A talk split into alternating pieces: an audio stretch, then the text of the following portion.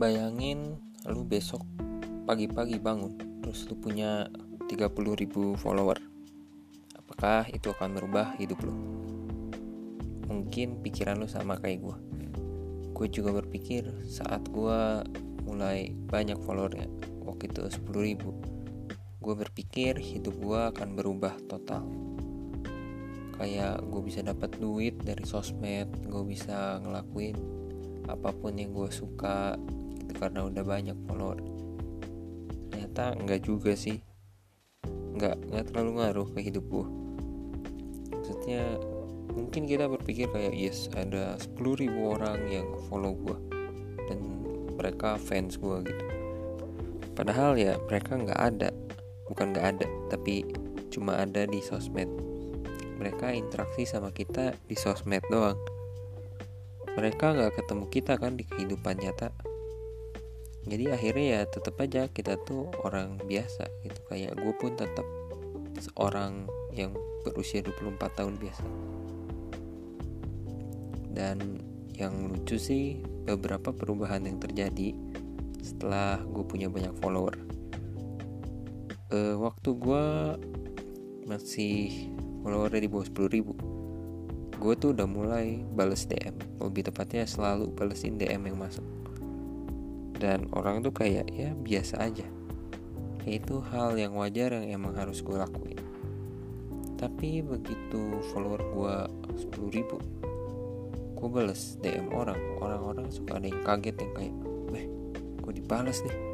Weh makasih banyaknya bang udah balesin DM saya gitu. Padahal biasanya juga bales gitu. Itu lucu banget. Terus mulai muncul beberapa orang yang suka pansos mereka minta di share postingannya dibantuin gitu. Padahal belum tentu juga audiens gue suka sama dia. Dan ya gue nggak seneng aja caranya kayak asal ngetek terus gue harus posting itu. Gue manusia men. At least ngomong sesuatu kayak dan lu kayak nggak tulus banget sih ngejalin relasi sama gue sumpah gue lebih seneng kalau ada orang yang nanya ke gue gitu eh bang gimana dong? Ajarin gue supaya gue bisa bikin konten yang ngedatengin banyak follower. Itu gue lebih rela dibanding di tag tiba-tiba suruh share post lu. Siapa lu gitu. Terus hal yang gue rasain lagi berubah adalah network. Setelah follower lu banyak lu lebih dilirik sama orang. Bahkan waktu itu ini gue kaget banget.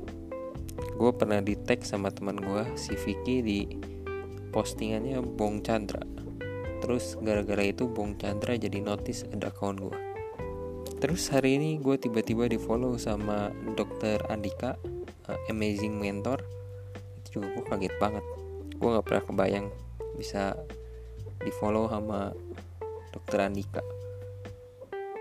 Dan ya beberapa orang juga udah mulai DM gua ngajak collab gitu. Itu menyenangkan sih jadi kayak koneksi kita bertambah tapi ya maksud gua kita punya follower banyak tuh nggak sesuai ekspektasi awal gitu. Nggak tiba-tiba duit datang dengan deras endorsean banyak. Justru endorse itu buat gua suatu tantangan. Karena ya gimana masukinnya kan nggak mungkin gue jualan masker mengencang payudara. Nggak mungkin gue ngejual produk buat mutihin ketek. Itu kan aneh gitu gak nyambung sama audiens gue jadi kan gue harus yang ngakalin gimana caranya gue dapet duit dari sosial media tanpa endorse. Ya beauty vlogger sih lebih cenderung lebih gampang ya soalnya brand-brand tuh banyak banget yang bisa masuk ke sana. Tapi ya intinya sih menurut gue ya follower itu penting gak penting sih.